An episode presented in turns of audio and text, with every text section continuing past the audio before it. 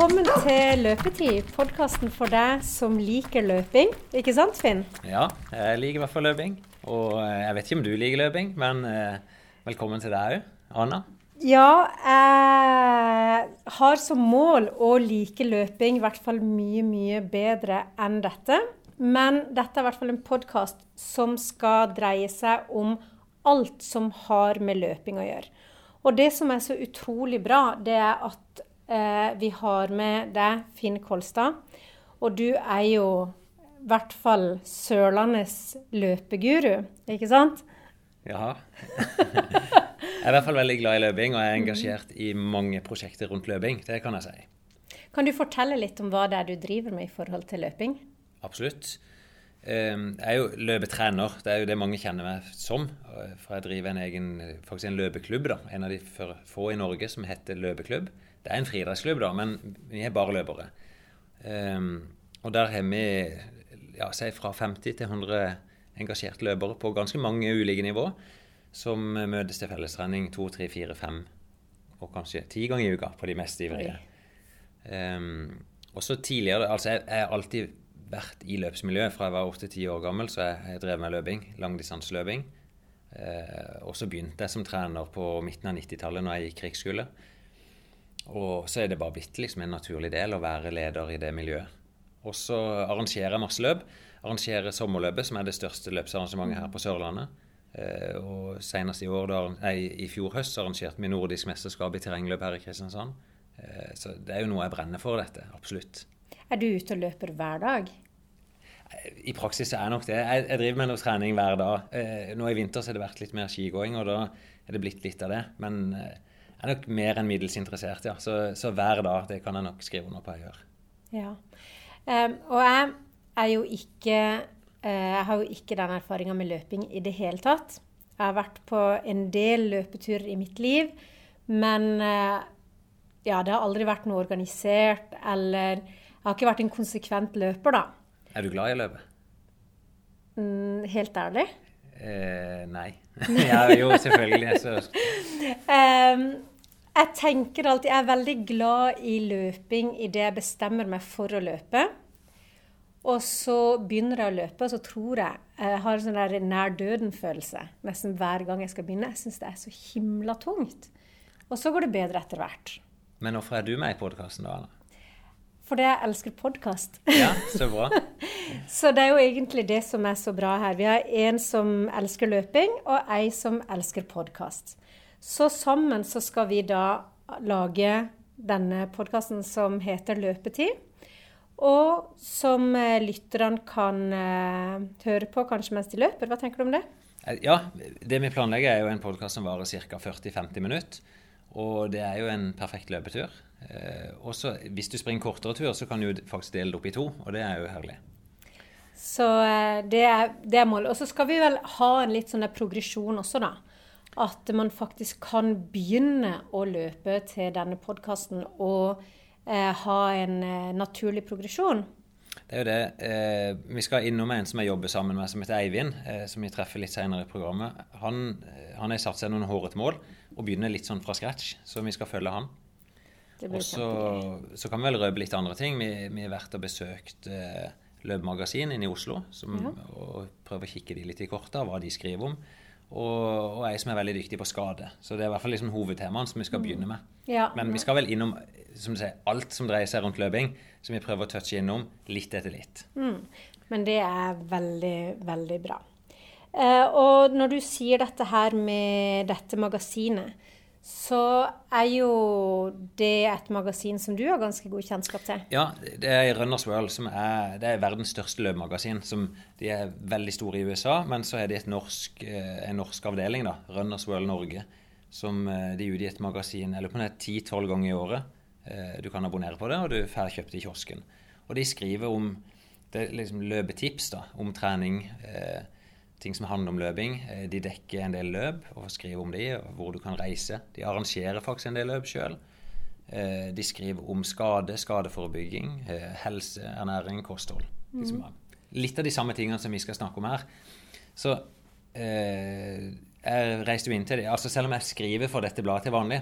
Ja, for det var det jeg skulle si, at jeg kjenner jo en som skriver i det bladet. Ja, for jeg skriver der. Jeg, jeg overtok faktisk nå etter Jack Waitz. Det, jeg syns jo det er en ære, da. Å få, få overta stafettpinnen etter annen. Men jeg skriver da i hvert magasin så har jeg en artikkel om noe som omhandler trening. Og så har jeg jo en sånn Eksperten svarer-spalte, så folk kan sende inn spørsmål der. Og det er jo veldig fint, for da kan man høre litt om magasinet her, men man kan også gå og lese mer om det hvis man er interessert i Runners World. Ja, det, Så, det, så vi skal ikke ta fra de gleden av å lese magasinet her. Nei, vi skal i hvert fall gi det en smakebit, og så kan vi prøve å gå litt bak historien som de har skrevet. Og kanskje òg sjøl møte noen av de som de har skrevet historie om. Ja. At det er litt av målet. Eh, og hvem var det du møtte i Oslo?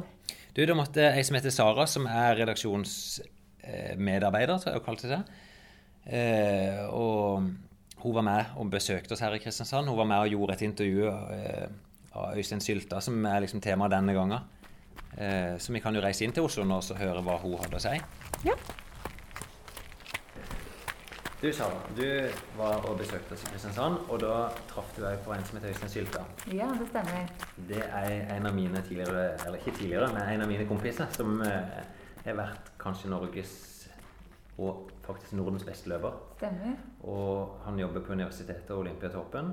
Eh, og når dere møtte han, kan ikke du fortelle litt hva, hva dere fant ut når dere møtte han? Ja, for Grunnen til at vi ville møte han, er jo ja, bl.a. fordi som du sier, han var en dreven løper. Men nå eh, så har han jo nettopp avslutta doktorgraden sin, eh, som har det overordna temaet eh, organisering av eh, eliteutholdenhetsidrett. Ok, Eller noe i den duren.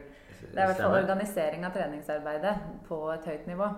Uh, og Ja. det er jo interessant. Og Og organisering, ikke hvordan du får til arbeidshverdagen din, men hvordan du, når du skal ha røkter, når du skal ha rolig, og når Ja. du skal ha moderat. Og det er jo noe som opptar mange. Ja, absolutt. Periodisering av, av treningsarbeidet. Og, og han ga oss en kjempefin innføring i, i det her. eh, annet med Altså, han gjorde oss bevisst på at, at det faktisk ikke finnes så mye forskning på det feltet. Så vi har på en måte bare jobba etter eh, erfaring i veldig mange år. Og så er det først nå i de siste 20 åra kanskje at vi har begynt å etterprøve det, de erfaringene vi har eh, gjort oss. Og det er jo det han har gjort, da. Bl.a. ved å, å forsøke å finne ut da, om den periodiseringa som mange jobber etter, egentlig har noe for seg.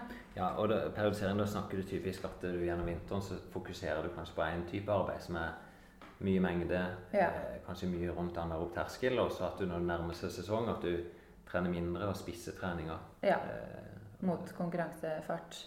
ja, stemmer. Altså, ja. Og eh, nå har man levert inn studien, og han fortalt litt hvordan dette så ut. Og, Mm. og hva er det Øystein kunne fortelle? Eh, han kunne fortelle at de egentlig fant ut at slik vi ofte gjør det, da, altså ved å trappe ned på, på mengden og øke intensiteten fram mot sesong, at det ikke har noe for seg nødvendigvis, kontra det å, å gjennom hele opptreningsperioden blande type økter. Altså, ja, hvis du skjønner hva jeg mener. Ja, og når du sier ikke har noe for seg, så, så må jo Det er vel åpenbart at mange har lykkes med det. Selvfølgelig. Ja. Ja. Det blir mer riktig å si at man ikke fant noe forskjell i, i måten man gjorde det på.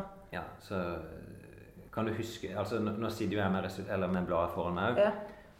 Han skriver litt grann hva de gjorde, men de hadde noen grupper som de testa. Ja. Av, ganske aktive Var det syklister, tror jeg? Syklister er rett ja. under elitenivå, og det er jo godt for studien holdt jeg på å si, at de har funnet, eh, funnet godt trente testpersoner.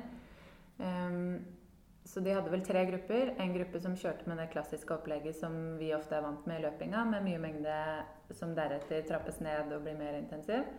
Stemmer. Og en uh, gruppe som gjorde det stikk motsatte. Altså Som begynte intensivt, Ja. og så trente roligere og roligere og mer og mer. Ja. Ja. Og en gruppe som kjørte litt av begge deler gjennom hele testperioden. Uh, og det de da fant ut, var at det rett og slett ikke var så store forskjeller på de tre gruppene. Nei. Så man kan gjøre som man vil og fortsatt lykkes.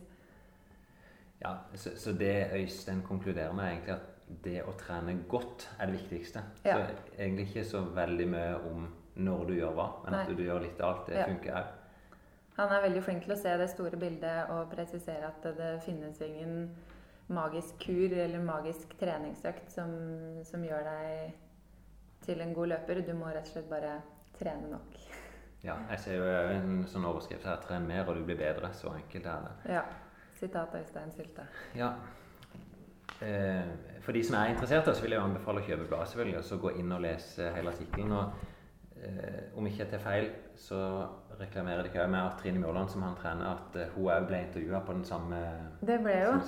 Ja, nå har vi ikke Ja, nå kommer intervjuet med henne utpå våren en gang, når hun har starta sesongen. For Ja. da er det sikkert litt uh, mer nytt å melde. Men hun er jo en veldig spennende 800-meterløper. En av Norges beste sådan. Og eh, mye, har skapt mange overskrifter fordi hun kvalifiserte seg til EM i fjor fire måneder etter at hun fødte sønnen sin, Svein. Stemmer. Så hun er et arbeidsjern.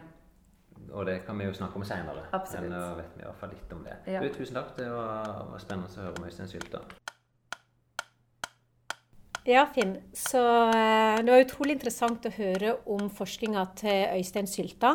Eh, kanskje vi kan eh, få til et intervju med han eller noe sånt i et annet program? Ja, jeg tenker det hadde vært litt artig også for å snakke med han direkte. For Øystein han er jo, Som dere hørte, da, så har jo han vært veldig god som løper. Men ikke minst så er han veldig interessert i dette temaet og, og bruker mye, egentlig all tida si på å forske rundt løping. Hva er det som er mest effektivt? Så det må vi få til. Ja. Og jeg syns det er veldig interessant du sier at han bruker all tida si på å forske om løping, og folk løper, og folk Det er løp overalt, føler jeg. Eh, og man skal liksom stille opp på om det er 5 km, 10 km, halvmaraton, maraton, ultramaraton. Det tar liksom Ja. aldri slutt, og alle holder på med dette her. Og man blir liksom bombardert med ting man skal gjøre, hvordan utstyr man skal ha, eh, pulsklokker, riktig til ditten, riktig Jeg, som på en måte er helt utenfor den verden, hva, hva skal jeg gjøre for noe? Nei, du, du må nok begynne med det enkle. For det er jo det som jeg syns er så herlig med løping, at uh, du trenger en uh, shorts og ei T-skjorte, og så kan du begynne å løpe. Så enkelt er det. Og, og jeg pleier, når jeg holder foredrag, så pleier jeg å ha en egen plansje om akkurat dette. Alle disse mytene som du må ha for å liksom, få effekt. Og det er ingenting som hjelper deg, annet enn det å trene løping. Det funker veldig fint. Så det er der du skal begynne. Det, jeg vil kanskje råde deg til å begynne med et par løpesko òg. Ja, Men det fins veldig mange gode løpere som òg springer barbeint. mm, men ikke her i Norge. Nei, det er nok ikke så praktisk. Eh, Det blir veldig kaldt. Så eh, jeg anbefaler normalt å gå innom en sportsbutikk og, og kanskje se aller helst noen som er litt kompetanse på det. eh, For kanskje springe litt på ei mølle, og så kan det gi deg noen gode råd om hvilke sko du skal kjøpe. Men litt sånn generelt så kan du si at hvis du kjenner at skoen sitter godt på foten, og, eh, og du får en god følelse av den på, så er det ofte en riktig sko for deg. Ja, Så ok. eh, en skal ikke gjøre det så veldig mye mer komplisert enn det. I hvert fall ikke i begynnelsen. Nei, for det er jo en eh, kjempeindustri, dette her. Og i forhold til sånn tekniske klær og eh, alt mulig. Er det på en måte For deg da, som løper litt hver dag, eh, har du noen gang tenkt på at eh, i dag kan jeg ikke løpe? Eller hvis du er på ferie da, fordi du ikke har riktige ting? Nei, det For, det første, når jeg reiser på, på ferie eller på møte i Oslo, for den saks skyld, så jeg, jeg pleier alltid å ha med meg litt sånn reservetøy hvis jeg ser at her kan det bli en mulighet for å få løpt eller trent. da. Eh, Nå skjønner jeg at jeg høres helt syk ut, men jeg, liksom, jeg vil gjerne ha ei økt i løpet av dagen, så, så jeg er forberedt på det. Men da er det liksom en sko og så noe tøy som jeg kan bruke for å springe. Men åssen det ser ut altså jeg skjønner veldig godt at folk har lyst til å se bra ut. Og det må jo være en god motivasjon altså hvis en kjøper tøy og, og ser bra ut. Men du trenger ikke ha noe dyrt, fancy tøy for å få effekten av trening. Det, Den får du akkurat like godt. Eh, og, og du kan snakke om kompresjonstights, eller du kan snakke om støttestrømpe, eller ting som skal holde ting bedre fast, eller restituere det bedre. Litt sånn forenkla så kan du si det virker ikke. Nei. Ikke til det. Det virker til å, å få det til å se bra ut. Og hvis det gir deg motivasjon, så er det klart at da, da kan du bruke det. Og, og klokke er jo det er ikke sånn at eh, det er ikke klokka som skal trenes, det er jo kroppen. Så eh, jeg er sånn at jeg, jeg bruker stort sett bare vanlige, vanlige klokker med sekund- og minuttviser. Men så er det akkurat det i funksjon som trener, da, der vi, vi skal ha litt styrt økte med intervalløkter, der vi kanskje springer et visst antall minutt, så må jeg ha ei stoppeklokke òg, som jeg kan si at nå har vi løpt faktisk i tre minutter. Men uh, dette er jo første programmet, da. Ja. Uh, og hvorfor, ja, hvorfor skal man løpe? Nei, det må du jo velge sjøl. Det, uh, jeg, jeg synes Det ene er at det gir noen sånne åpenbare helseeffekter. da. At det å, du, du blir i bedre form, bedre fysisk form. Når du får kondisjon, så blir de fleste tingene litt lettere. Og også kanskje det viktigste er jo at det klarer noe opp litt i hodet. Eh, jeg vet, Du kan lese masse rare forskningsartikler om at løper blir smartere og sånt. Det vet jeg ikke. men i hvert fall opplever jeg sjøl at etter en, om det er en dag på jobb eller eh, at det har vært hektisk, så er det veldig god avkobling å løpe. Ja. Enten alene, eh, det kan du selvfølgelig gjøre både med musikk eller podkast, som du hører på nå, mm. eller sammen med en kamerat. som er I mest mulig grad så gjør jeg det sammen med venner. Mm. Er det OK å løpe med musikk eh, ja, ja, det på, på øret? Jeg, jeg ville si sånn, velg det som passer deg aller best. Eh, og særlig hvis du springer langs eh, trafikkerte veier, så vil jeg anbefale å ha på musikk. Så er det nok litt sånn Det å springe med musikk når du springer i skauen, er kanskje ikke nødvendig, men noen føler at det er greit. Mm. Men treningseffekten er jo akkurat den samme. Ja. Eh, og hvor mye treningseffekt får man? Hva skal til? Hvor mye må man løpe for at det skal bli en treningseffekt? Ja, Effekten begynner på det første løpesteget. Det er så enkelt som det. Det fins ikke noen sånn nedre grense du må ha for at det skal virke. For du kan si at Hvis du springer alt du kan i ett minutt, så vil du ha en veldig god effekt. Så liksom, Summen vil avhenge av hvor lenge du holder på, og hvor hardt du gjør det. Eh, og da, må, da, er vi litt sånn mer i detaljene om eh, hva er målet ditt, f.eks. Mm. Er, er målet ditt at du skal ha best mulig oksygenopptak, eller springe best mulig på et løp? Så er du kanskje interessert i å trene hardere enn hvis det er for å oppnå velvære eller bare forbedre kondisjon eller gå ned litt i vekt. Da er det litt andre typer mål. da. Men, ja. men så, liksom, hvis du kommer deg over ti minutter, så er det ganske veldig mye mer enn å bare ligge i sofaen. da. Ja, for jeg tenker at det kanskje er noen som eh, lytter til podkasten vår, som er litt eh, som meg, da, som liker veldig godt å høre på podkast, men ikke er så glad i å løpe. Ja. Eh, og så tenker vi hm, ja, kanskje jeg skal prøve dette her, da. Eh, hvor begynner vi? Ja, begynn i hvert fall veldig forsiktig. Eh, jeg kjenner ingen som har begynt for forsiktig, for det, det går nesten ikke an. Eh, det er liksom trening eh, Det er ferskvare. Og det er veldig lett å bli skada. Det er ofte det folk kommer og sier at nei, jeg kan ikke drive med løping, for jeg får vondt. Ja, og det gjør de normalt sett fordi at de begynner litt for brått. De husker kanskje hva de gjorde før, eller tenker at jeg må i hvert fall ha en halvtime for at det skal gi en effekt. Men kroppen tåler nødvendigvis ikke det. Eh, og si for deg, da, Hvis du skal begynne å løpe, så kan det være naturlig at du må begynne å gå. Eh, og så kanskje bare venne deg til å jogge kanskje to, tre, fire minutter i starten. Mm. Men så vil du oppleve at det, det er en veldig sånn bratt kurve som du kan gå opp, der bare etter noen uker så kan du plutselig løpe da kanskje både 5, 10 og 15 km mm. uten problem. For nå har jeg veldig lyst til å spørre deg om en eh, løpemyte som jeg har hørt. Ja. Som jeg er sikker på at du bare kommer til å synes det er kjempe teit og kanskje slakte. Men, og dette er jo om løping, da, men det er jo mange av oss som gjerne skulle hatt den der gode forbrenningseffekten. Så ja. var det noen som sa til meg en gang at uh, du begynte ikke å forbrenne før etter 30 minutters løping. Nei, det stemmer ikke. Du, du øker forbrenninga med en gang du begynner å springe. Så, og, og, hvis du skal liksom ha en sånn tabell for det, så kan du se litt sånn grovt sagt da, så forbrenner du ca. 70 kalorier ekstra per kilometer. Mm. Men det er faktisk om du labber den, eller om du jogger den, eller om du spurter den. Men det er klart at hvis du springer fort, så klarer du å ta mange kilometer på kort tid. Ja. Mm. Men det var jo kjempeinteressant. Så, men det er jo litt sånn at for meg så handler ikke trening nødvendigvis om vekt. Det handler mer om altså kondisjon og velvære og alt dette der. Og så kan vekta selvfølgelig være enten en hyggelig sånn bieffekt, at den blir slankere, eller at uh, du kan spise mer av den maten du faktisk har lyst på.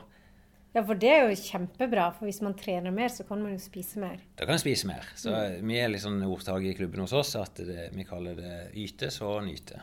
Ja, det var bra. Så det kan du motivere deg. Mm. Det føles litt bedre å komme inn etter en tur, og så unne deg noe godt, enn å bare ligge på sofaen og så unne seg det ekstra godt. Men det er lov, det òg. Finn, vi har jo med en til i eh, løpetid. Og det er Eivind Haugstad. Mm. Eh, hva er det vi skal gjøre med han? Ja, Eivind er jo en kollega med å sitte på andre enden av kontoret mitt. Eh, utgangspunktet er en, en ung, sprek mann, eh, men eh, har litt sånn ønske om å komme litt ut av sofaen mm. og, og, bli litt sprekere. Og han er litt i trening. Og vi satte et veldig hårete mål for han. Vi har lyst til å ha et prosjekt å dra, dra gjennom. og mitt sånn, drømmeprosjekt for enhver det er altså sette et så hårete mål at du har lyst til å, å, nå det, og det er New York Marathon. Eh, der har jeg vært sjøl og sprunget tre ganger. Og jeg lufta tanken litt for Eivind, og, og, han drømmer om det, men egentlig tenkte jeg at dette er helt sånn egentlig umulig. Jeg kommer aldri til New York. Men det vi har gjort nå, vi har meldt han på. Og det er en vanskelig prosess å komme gjennom til New York. Eh, men vi, vi bare det, liksom, legger inn en søknad. Det er 200 000 som søker på dette. Og minimal sjanse for å komme innafor. Eh, Eivind har fått plass. Yes. Så da er liksom yeah! vårt prosjekt kan faktisk begynne. Mm. Så bra. Eh, så jeg tenker jo at vi skal bli kjent litt med Eivind, og, og hvor han er vært, og hvor han skal. Eh, og så skal jeg prøve å hjelpe han, spesielt med trening. Eh, for eh, det, det, er mye spesielt med Eivind. En er han, Vi kan nesten si han har vært litt sånn tjukkas. Mm. Du kan jo fortelle litt om bakgrunnen din, kan du ikke det, Eivind? Jo, veldig kort oppsummert, Eivind. 30 36, blir 37 i år. Eh, har gått gjennom en forvandling, kan du kanskje si. Eh, jeg gikk jo da fra å være 120 kilo eh, til nå ned rundt 80. 80. Og, ja. og, du er ca. høy hvis jeg skulle tippe sånn 1,80 høy, kanskje? I, i, passet står det 1,76, men ja. med caps, ja. ja. 1,80. 1,76, 120 kilo. Du er, du er, du er i hvert fall godt over mm. snitt BMI. Mm, nettopp. Eh, og tok noen tak da jeg bodde i eh, Oslo før jeg flytta til Kristiansand, i Frognerparken. Hvorfor i all verden, når du da har gått ned såpass mye som du har gjort, mm. hva er da poenget med å ha et sånt Hvorfor skal Finn ha et sånt prosjekt med deg, da? Altså, én En ting er å gå ned i vekt, en annen ting er å eh, endre livsstil og holde, det, holde koken oppe, for å si det på godt norsk. Eh, og, og, da ser jeg på, på denne muligheten eh, altså da, da, griper jeg denne muligheten her, fordi dette vil hjelpe med å, å holde koken oppe. Altså holde vekta stabil, og kanskje til og med enda mindre. Ja, for i hvert fall det du har fortalt meg. Du gikk jo ned fra 120 kilo, Mm. Den har jeg litt lyst til at du kan fortelle litt om etterpå. Ja. Eh, du var nede, helt nede i 72. og mm og, og skrapte bånd vel på mm. det du bør veie på, med den høyda. Mm. Men Sven, nå har du gått gradvis opp igjen, ja. og at du frykter kanskje litt at dette bare vil fortsette. Ja, altså det. Eh, ja. Du kan si, eh, Når du sier frykt, så er det eh, Når jeg veide 120 kilo altså Jeg vil jo aldri tilbake igjen dit. Og det kan du godt si er en frykt, om du vil. Kan, kan du si litt om det vendepunktet ditt? For det at du slapp deg jo ganske langt opp i vekt. Mm. Hva er det som gjorde at du liksom tok det grepet sist? Nei, altså ehm, Jeg hadde jo en, en eh, kompis som, eh, som, tok eh, bilder og la ut på Facebook, som er helt vanlig å gjøre. Og der tok meg sjøl i å be han om å slette bilder som han hadde lagt ut av meg. Fordi jeg syns jeg så så tjukk ut. Eh, så, så, tenkte jeg at oi, nei, eh, jeg kan ikke, det, eh, det, kan ikke være sånn at jeg skal be folk om å slette bilder som vi legger ut. Du, du hadde ikke lagt merke til det med deg sjøl? Nei, altså en ting er å se seg sjøl i speilet. Ja. Eh, og da syns jeg det så greit ut. Greit, jeg er kraftig, men, men når jeg så bilder av meg sjøl Oi, oi, hva har skjedd med, med meg? Du ser, da, da, skjønte du noe med å ta tak Hva er det mm. du gjorde? Altså det, ja. det, er jo nesten sånn du kan lese om i VG. Mm. Altså Gikk fra 120 ned til 72 kilo. Mm. Åssen grep var det du gjorde? Var det gjennom trening eller kost? Eller? Ja, så dette var jo eh, Det var en toårsperiode. Eh, og eh, da gikk jeg ned 40 kilo sånn sett på to år. Og, og det var ganske drastiske ting jeg, gjorde. Var, jeg hadde ganske høyt fokus på, på trening. Da prøvde jeg å trene en sånn halvtime til time Annenhver dag? Annenhver dag. Ja, men det er ikke, det er ikke dramatisk. Det er ikke dramatisk. Det er, det er en ting. En annen, en annen, ting av saken her er at, eh, at, jeg hadde et veldig dårlig kosthold. Naturlig nok. Ja. Og det var type kanskje tre-fire Grandis i uka. Um, tre til fire liter sukkercola. Ja. Uh, og godteri. Sjokolade. Sånne ting. Du, Droppa du bare? Så, så jeg kutta ut alt av sukkerbrus. Eh, trappa kraftig ned på brød. Jeg er veldig glad i brød, så det trappa jeg eh, kraftig ned på. Jeg spiser ikke Grandis lenger. Eh, ja. ja litt, sånn generelt gode kostholdsråd, egentlig. Nettopp. Bare... Ja, og jeg hadde jo i utgangspunktet ganske dårlig kosthold. Ja. ikke sant? Men var du sulten? Sulta du deg? Eh, nei, eh, tidvis, når, som Finn var inne på, når jeg begynte å skrape nede på 70-tallet, eh, 70, rundt 70 kilo, så begynte jeg å kjenne meg sånn Oi, nå, nå skal jeg spise ett knekkebrød og telle og om fem timer så skal jeg spise eh, salat. Så da var det litt sånn Da skraper jeg bunnen, og da begynte jeg å kjenne på sult. Nå er ikke dette en podkast om vekt, og det er ikke det jeg kommer til å ha fokus på heller. Nei. Men det er klart at vekt det, det påvirker litt på løping. Når du skal springe Ja. maraton, så vil mange kilo for mye å dra på. Koste litt. Mm. Eh, men det er treninga som gjør deg bedre til å løpe. Så det er det Mm. vi vil fokusere på. Så har det den hyggelige bieffekten at du forbrenner jo mer. Mm. Så det vil være lettere for deg å holde vekta. Mm. Så mine tips kommer til å dreie seg om det. Nettopp. Og det, er nettopp derfor som jeg også sa at jeg ønsker å gripe muligheten nå. Ta imot eh, tips fra løpemester Finn Kolstad. Eh, og hvordan jeg kan implementere det mer altså i, i, som en del av min livsstilsendring. Det ser jeg på som en ja, kjempebonus. Vi og Eivind begynte å snakke om dette i eh, januar ca. Og jeg forberedte han litt og sa at det, nå, har du lyst til å være med på det, begynn igjen å trene litt forsiktig. Mm. Og det gjorde du ikke. Nei, eh, så, så, eh, så er det er kanskje litt sånn eh, eh, blessing and a curse, for å si det på engelsk. At, at det er litt sånn eh, enten-eller holdning til trening. At hvis jeg først skal trene, så er det 100% og da sliter jeg meg maksimalt ut. Eh, så er det vanskelig for å ligge på rundt sånn 50 eh, Så det gjorde at jeg begynte å løpe hjem fra jobb. eh, og la på noen ekstra kilometer, så det ble eh, en 8,5 km. Og dette prøvde jeg å gjøre annenhver dag, eh, og gikk på en smell. Ja, kan, kan du huske den første kommentaren etter den første turen du har løpt? Hva min kommentar til var da? Det var du må eh, ta det rolig. Eh, ikke begynne for hardt. Eh, jeg la på to ekstra kilometer, mens Finn da anbefalte å, å, droppe de to ekstra kilometerne. Ja. Og, og det er nok det. Nå har ikke vi og Eivind satt oss ned og, og begynt å sette opp en plan. Men, men det vil du nok se. Det er generelt for veldig mange at nå er, altså, i starten er motivasjonen god. Du er akkurat bestemt deg, og det liksom, du ser målet foran deg. Og så begynner du på. Kjennes veldig bra ut i starten. Og så er det bare noen få økter, så er det typisk enten motivasjonssvikt fordi det gjør for vondt, eller skade. Og du fikk jo òg antydning til en, en leggskade bare etter et par uker. Mm, jeg gjorde det. Så når vi skal begynne å se på treninga til Eivind, så, så kommer vi til å ta det, hensyn til det. Jeg, jeg ser normalt å ta bruk fire til seks uker på å egentlig komme i gang og vende kroppen til å begynne å trene. Og det, jeg kan nesten, du kan ikke gjøre det forsiktig nok. Mm. Så litt sånn planen min med Eivind er at vi setter oss ned. Vi setter det store målet som er New York, men så deler vi opp egentlig bakover. Og så sier vi at ok, hva med august? Da må du være i stand til kanskje å springe en halvmaraton.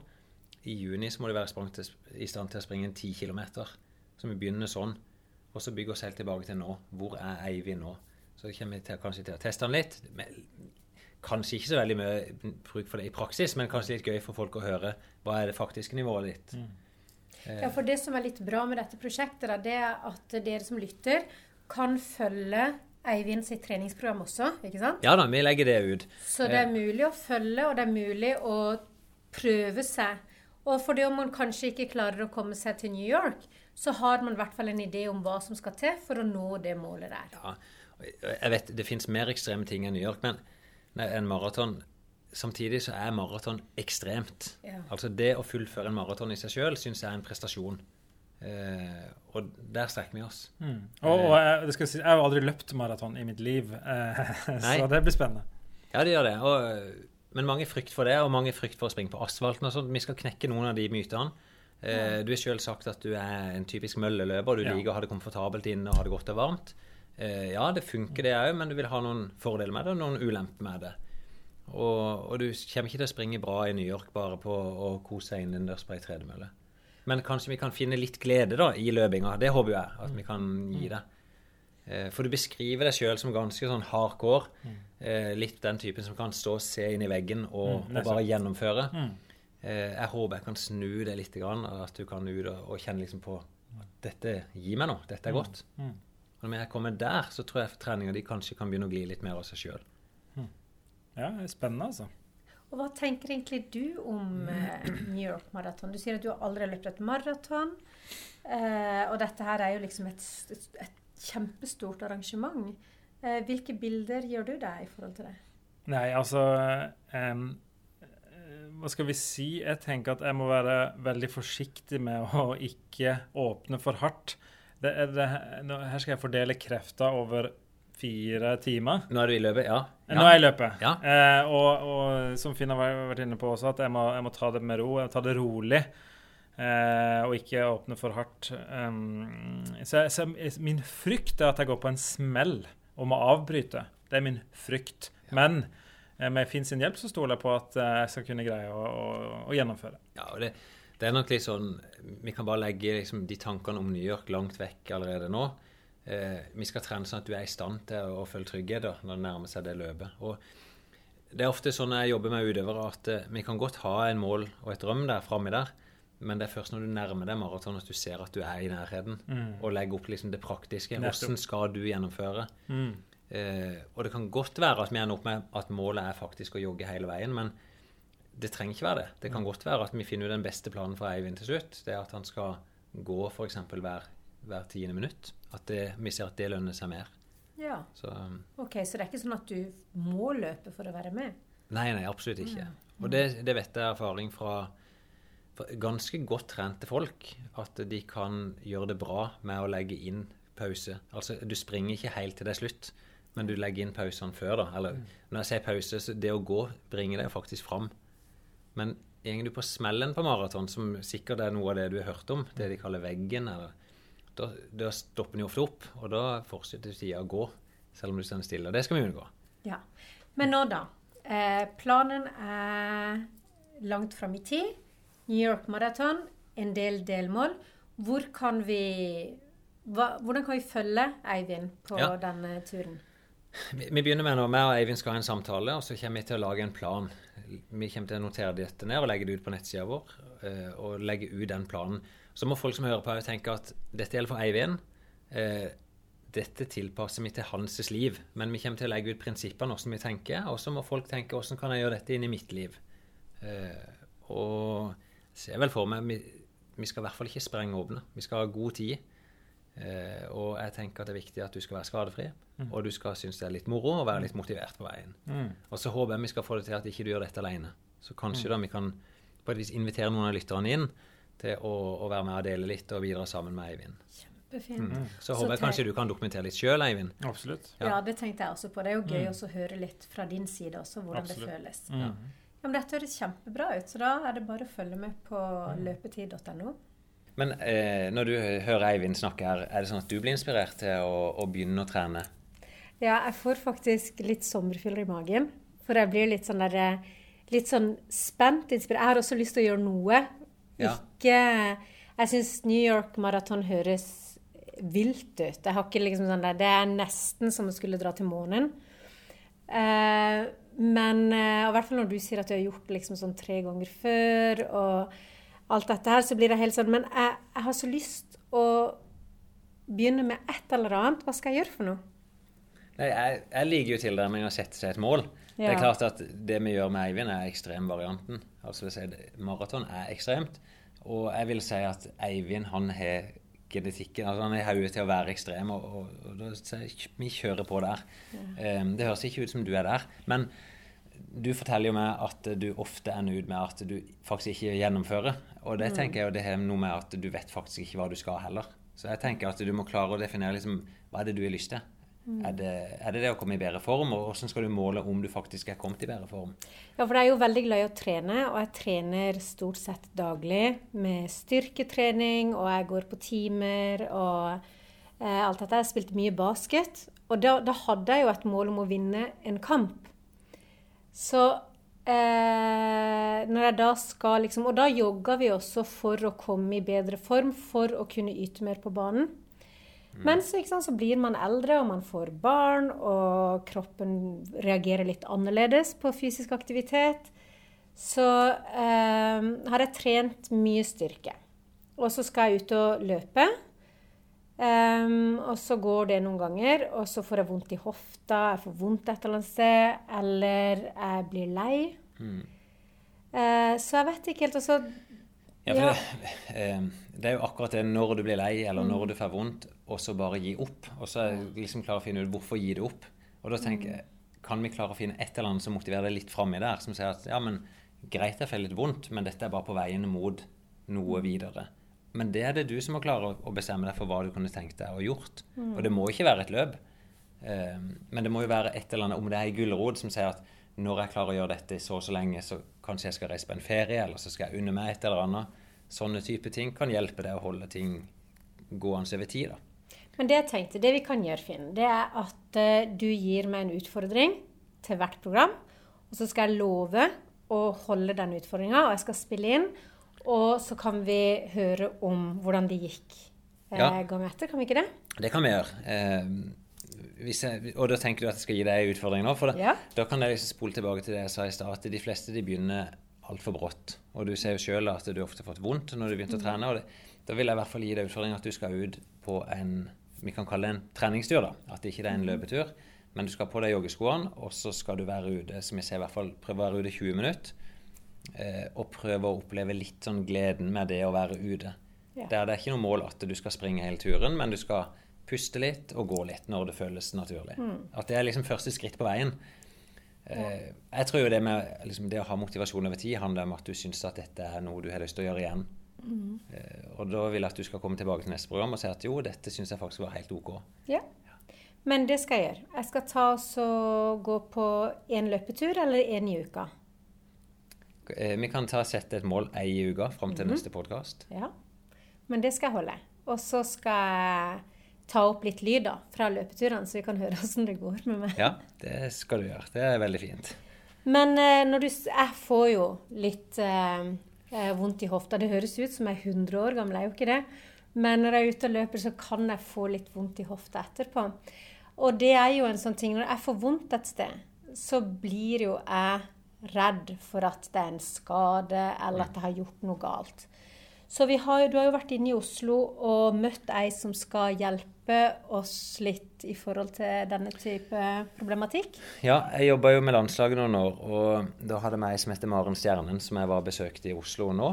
Eh, Hun er kjempedyktig selvfølgelig på disse skadene, for hun er utdanna fysioterapeut og jobber med idrettsutøvere. Også Og så Jeg henvender meg ofte til henne når jeg er i tvil sjøl, men det er vanskelig det med skade. Eh, Det, det kan være vanskelig å si er faktisk skada nå. Det gjør vondt, men er det en skade? Og det kan Maren fortelle litt om. Så vi kan jo inn og, og høre hva hun har å si. Ja, kjempefint. Ok, Maren. Vi kan begynne litt sånn med det kjørre, da.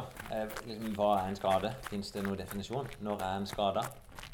Er det når det gjør vondt, Eh, eller er en skade da? Ja, en skade er jo når, eh, når den belastninga som du påfører et vev, overstiger det det, det, det vevet tåler.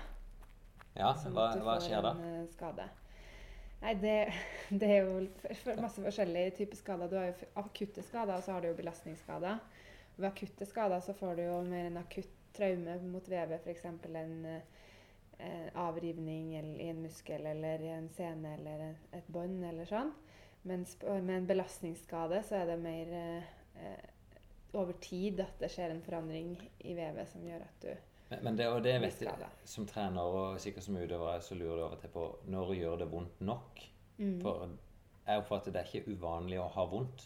Nei. For du er ikke nødvendigvis skade, eller er du, regner du det som en skade når du bare er litt vondt en plass? Nei, jeg tror det er veldig menneskelig å ha vondt Ja. eh, i løpet av eh, både livet og en dag uten at man skal se at man er skada av Ja. den grunn.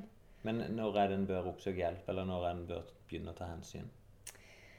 Jeg tenker at man eh, skal ha vært Hvis at man fortsatt har vondt når man starter på neste økt, eller altså at det ikke går over eh, mellom eh, treninga, og at det, det henger i, og det blir verre og verre, det blir ikke noe forbedring av at du tar det litt med ro og, og sånn, eh, så bør du jo begynne å tenke på om du skal finne ut eh, litt mer om hva dette handler om, tenker jeg.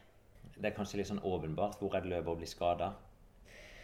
Ja, det er i hvert fall en veldig stor eh, andel av skadene er jo fra midja og ned, vil jeg si. Ja, og det er kanskje naturlig med at en springer med beina, Ja. de fleste av oss. Ja. Når du blir oppsøkt på klinikken din, mm. hva er det folk eh, sliter med av de som kaller seg løpere? Det som er mest vanligste områdene å bli skada på uansett, det er jo i, rundt knærne og i foten. Ja. Kne og Eh, fot. Ja, og da er det jo forskjellige strukturer som kan eh, få kjørt seg i Og hvis vi begynner helt i bånn, da. Det det er jo der typisk, foten er jo det som treffer bakken. Mm. Um, hvilken type skade? I foten så ser vi eh, Eller jeg ser mye blant de yngre utøverne av de aktive, så har vi mye skjelettskade. Tretthetsbrudd og stressreaksjoner i skjelettet. Ja. Som rett og slett er at skjelettet får for mye støtbelastning og ikke klarer å regenerere seg eller eh, bygge seg opp imellom hver økt. Og så Stemmer. kan man til, det til slutt resultere i et brudd. Ja. Og i de mer mosjonistgruppa, men som òg kan forekomme i den aktive gruppa, så er det mest av det som vi kaller plantarfasitt. Stemmer. Det, det må du fortelle litt mer om. Jeg, jeg vet jo hva det er, men Mhm. Plantarfasitt er en eh, Vi har en stor eh, seneplate under foten som vi kaller plantarfasien. Ja. Som er det som spenner opp fotbunnen og gjør at vi får en høyde eller en bue i foten. Og den eh, sena den fester seg i hælen, og så går den i en vifteform ut til tåleddene. Og i det festet i hælen så kan man ofte få en overbelastning. Eh, Der vi ser at den sena blir tykkere og stivere og, og, og skaper trøbbel. Da. Det kjennes ofte ut som en sånn stikkende smerte rett under hælen. hele tida. Nei, når du har belastning på. Ja, og belastning er løping, eller kan det gjøre vondt Eller kan det gjøre vondt når du går også. Ja. Typisk at det er vondt når du står opp om morgenen og begynner å gå de første skrittene. Ja. Og så er det kanskje litt bedre når det blir litt varmere. Vi- skal ta mer detaljer om de skadene senere, men hvis en tar litt sånn oppover, da, så Mm. eh, I hvert fall jeg møter mange som har problemer med akilles. Er det litt på vei ut, eller er det Absolutt ikke på vei ut. Nei? det syns jeg også vi ser veldig mye av. Og i akilles så er det jo flere forskjellige varianter av skader der også. Det er mer tilknytta hæl og sene, hæl, beinovergang. Og midtsena, som er mer den belastningsskaden i, i sena. Det vi kaller tendinose. Så har vi noe som vi kaller paratendinose, som er rundt sena. Og så har vi jo med, kan det jo oppstå rupturer eller rifter i sena eller rifter i muskulaturer. Men knevondt, er det, det du kaller det noe annet? Eh, ja, det er jo mye diagnoser som vi kan, en løper kan få rundt kneet også. Det mest vanlige er det som vi kaller en patellofemoral smerte. Som rett og slett bare betyr smerte mellom kneskjellet og lårbeinet. Og da er det forskjellige strukturer som kan gi smerte der, og det er ikke alltid vi vet hva det er som gir smerte heller. Er det det typiske der når folk kommer til meg og sier at 'jeg kan ikke løpe asfalt', og så gjør det vondt i knærne? Er det en sånn Ja, type? hvis det er på framsida av kneet, Ja. så kan det fort vekk være det, ja. Ja, Det som vi kaller fremre knesmerte, det, det er den gruppa som jeg syns er størst blant løpere. og Det, det kaller vi patellofemoral smerte på fagspråket. Og Det betyr rett og slett bare smerte mellom kneskjellet og lårbeinet. Men er det noe håp for disse? For veldig mange av disse de kommer til meg og så har de dømt seg sjøl nede når de er hjemme. Mm. De sier at 'jeg kan aldri være med på ditt løp fordi at det går på asfalt', og 'jeg tåler ikke å springe på asfalt', sier min fysioterapeut. Mm. Sier du det til folk? Nei, det, det hørtes litt negativt ut Ja. man i hvert fall har prøvd uh, noe tiltak. Ja, og tiltak er det å trene seg rolig opp, eller må de gjøre noen øvelser? Det som er viktig i forhold til det, den patellofemorale smerte, eller i forhold til mange skader, de fleste skader, er egentlig å finne ut hvorfor du har fått det problemet i utgangspunktet. Ja. Se om det er noen risikofaktorer eller noen faktorer som gjør at du er disponert for den type smerte eller den type skade. Og så må man jobbe med, med de. Men- Men typisk ikke sånn jeg, 'jeg fikk vondt fordi jeg løp, derfor må jeg holde meg unna løping'.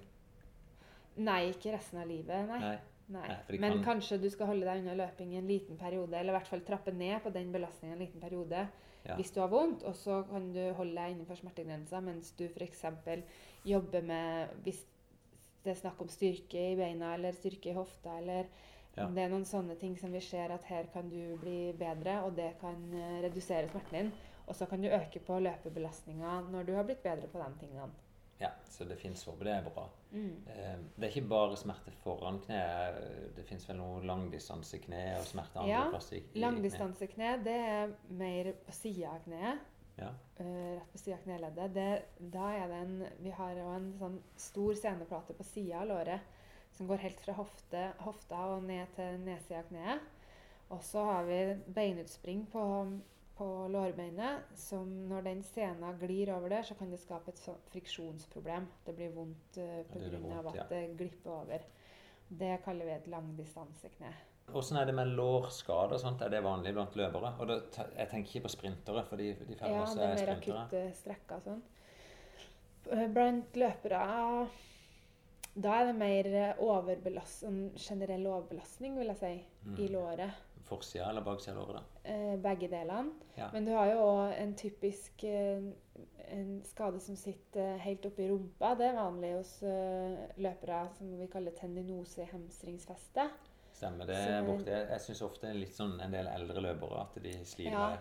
At det bare gjør vondt i hamstrings. Ja, det syns jeg òg. Og det er òg eh, gjerne litt eh, opp for Ikke de yngste, men de som er litt oppi årene, som får den der tendinosen helt oppi festet. Ja. Syns jeg ofte.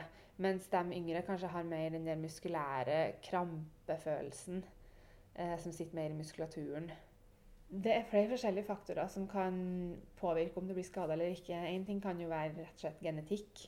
om Hvordan du er bygd opp fra, Ja. fra fødsel av. Det er kjedelig. Det kan du ikke gjøre med. det kan ikke du gjøre så mye med. Men uh, det som uh, vi Eller som i forhold til forskning på, på løpeskader har eh, vist å ha størst sammenheng, er for det første at du, du har hatt en skade fra før. Ja. At hvis at du har vært skada én gang, så er du, har du større sjanse for å bli skada igjen. Og det kan jo ha flere forskjellige grunner. Enten at du ikke har rehabilitert deg godt nok fra den første, og så blir det bare en følgefeil som følger deg i årevis. Mm. Um, eller det kan være andre ting som gjør at du, du var disponert i utgangspunktet. Og så er det òg det som vi snakka litt om i stad, med styrke. Særlig rundt mage- og ryggregionen og hofte-sete-regionen. Eh, som har vist seg å være viktig i forhold til å forebygge for mange av de løpeskadene vi har snakka om nå. Da. ja. Så det å være stabil i hoftebekken, rygg, det er Ja, det å være sterk. fall. Ja, så det du sier at en løper, han bør ikke bare løpe? Nei. Nei? Han bør òg trene styrke. Det er greit. Og da vil en gjennom det unngå skade. Mm. Og det du er, oppfatter rett, prøve å unngå den første skaden, så er du kommet langt. Prøv å unngå den første skaden, eller sørg for å bli skikkelig bra rehabilitert når eh, den første skaden dukker opp. Ikke ha for hastverk med å gå tilbake for fort. Ja, så, men det, for det er jo et viktig poeng som jeg tenker, det, det med gradvis opptrapping. Jeg bruker i hvert fall det som trener og prøver å få folk til å gjøre det. Mm. Begynne forsiktig, men har det noe for seg? Eller kan en ta sjansen av og til og bare gønne på? Nei, jeg tror det er viktig å gjøre det gradvis. Til, det, det er veldig kort tid som skal til for, uh, det, når du er vekk fra løping, der vevet Altså der vevet Eller vevet trenger tid for å bygge seg opp igjen til den, og tåle den kapasiteten som det som det tålte fra før. da. Ja, så det vil si at selv om du sånn, fint klarer å gjennomføre økta, så kan det likevel være for mye trening. Ja. Mye. Og det er litt sånn typisk òg ved, ved sesongpause. Mm. At du er borte fra den aktiviteten som eh, kroppen din er vant til å gjøre hele året. Og så gjør du det i to uker, og så bare starter du på på samme nivå igjen. Da er det veldig mange som blir skada også.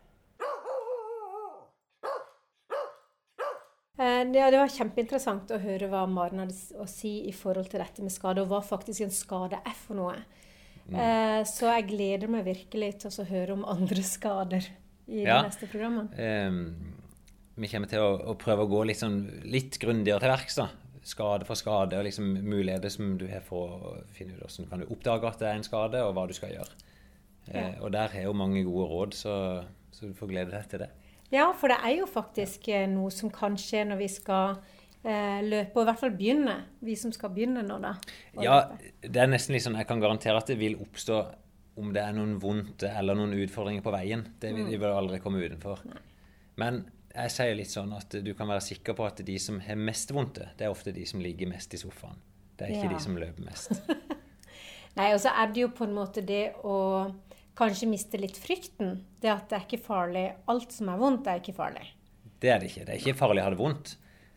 Det er Vi som er glad i løping, vi er ofte òg litt glad i å ha det vondt. Det, eller det skulle jeg kanskje ikke sagt. Jeg tenker jo sånn da i forhold til føtter og sånn etter et maraton, åssen de har det. Nei, de har det jo ikke så veldig godt. Eh, og jeg vet ikke om jeg skal si at det er verdt det, men da handler det jo litt om at vi satte et sånn voldsomt mål. Og følelsen av å ha gjennomført og klart det, den er veldig god. Det kan jeg skrive om. Så blir det kanskje litt sånn cowboyganger også dagen etter. Ja, for de som er de, Egentlig for alle så gjør det det til et maraton. Men du, Finn. eh, Jeg har jo fått utfordringer med å skulle løpe en gang i uka nå framover. Ja. Eh, Jeg kan drive med den andre treninga jeg gjør, ikke sant? Ja, ja. Ja. Det er ikke sånn at du ødelegger løpetrening med å drive med noe annet. Nei. Eh, men jeg har også en utfordring til deg, da. Ja.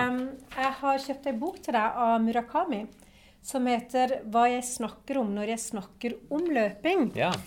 Så um, Dette er mer sånn en litterær bok om løping. Ja. Det er ren skjønnlitteratur om Murakami sin vei fra å være bekymra fordi han var begynt å bli litt rundere enn han ønska, til å bli en ekstremløper.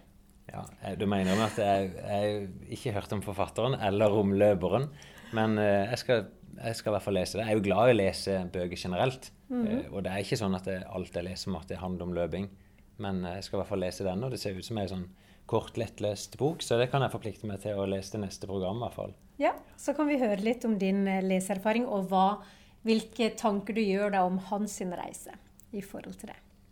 Det. Men eh, du, hvor kan folk eh, høre på denne Eller de som hører på, har jo funnet eh, løpetid. Ja, vi, vi har jo satt opp en nettside som vi, vi kaller bare løpetid.no. Eh, der legger vi i hvert fall litt sånn linke til Eller litt lenke til hva vi har spilt inn, og litt om det vi snakker om. Det er jo der vi kan følge Eivind. Der skal vi følge Eivind. Vi kommer til å legge ut hans planer og programmet, og, og at du kan bli litt bedre kjent med disse som vi har vært og intervjua. Både Runners World, som eh, stilte opp nå for oss, og kommer til å stille opp videre. Med Maren, som du ikke hørte på i stad. Eh, Selvfølgelig Eivind. Eh, og så eh, sånn sett, hvis en skal få lov å takke noen, da, så er det jo fundamenter som er en del av jobben min, som, Ja. som huser studioet vårt. Og Kanskje vi kan presentere litt hva de driver med der. Ja, kjempefint. Så til neste gang Vi prøver å Eller målet er en podkast i måneden. Ja. Eh, og da er det bare å laste ned, ta på seg joggeskoene og komme seg ut. Ikke sant? Ja, og hvis jeg kan gi oppfordringer til de som hører på òg, så er det jo å prøve det i starten å finne litt gleden med denne løpinga. Ja. Hvis en har lyst til det. For det er jo ikke alle som har lyst til det, så da må de få lov å drive på med noe annet. ja. Men, eh, og det er jo også noe som jeg tenker at vi kan snakke om neste gang. Det å finne gleden, og det å finne på en måte den indre motivasjonen Ja. til å løpe. Det kan vi prøve.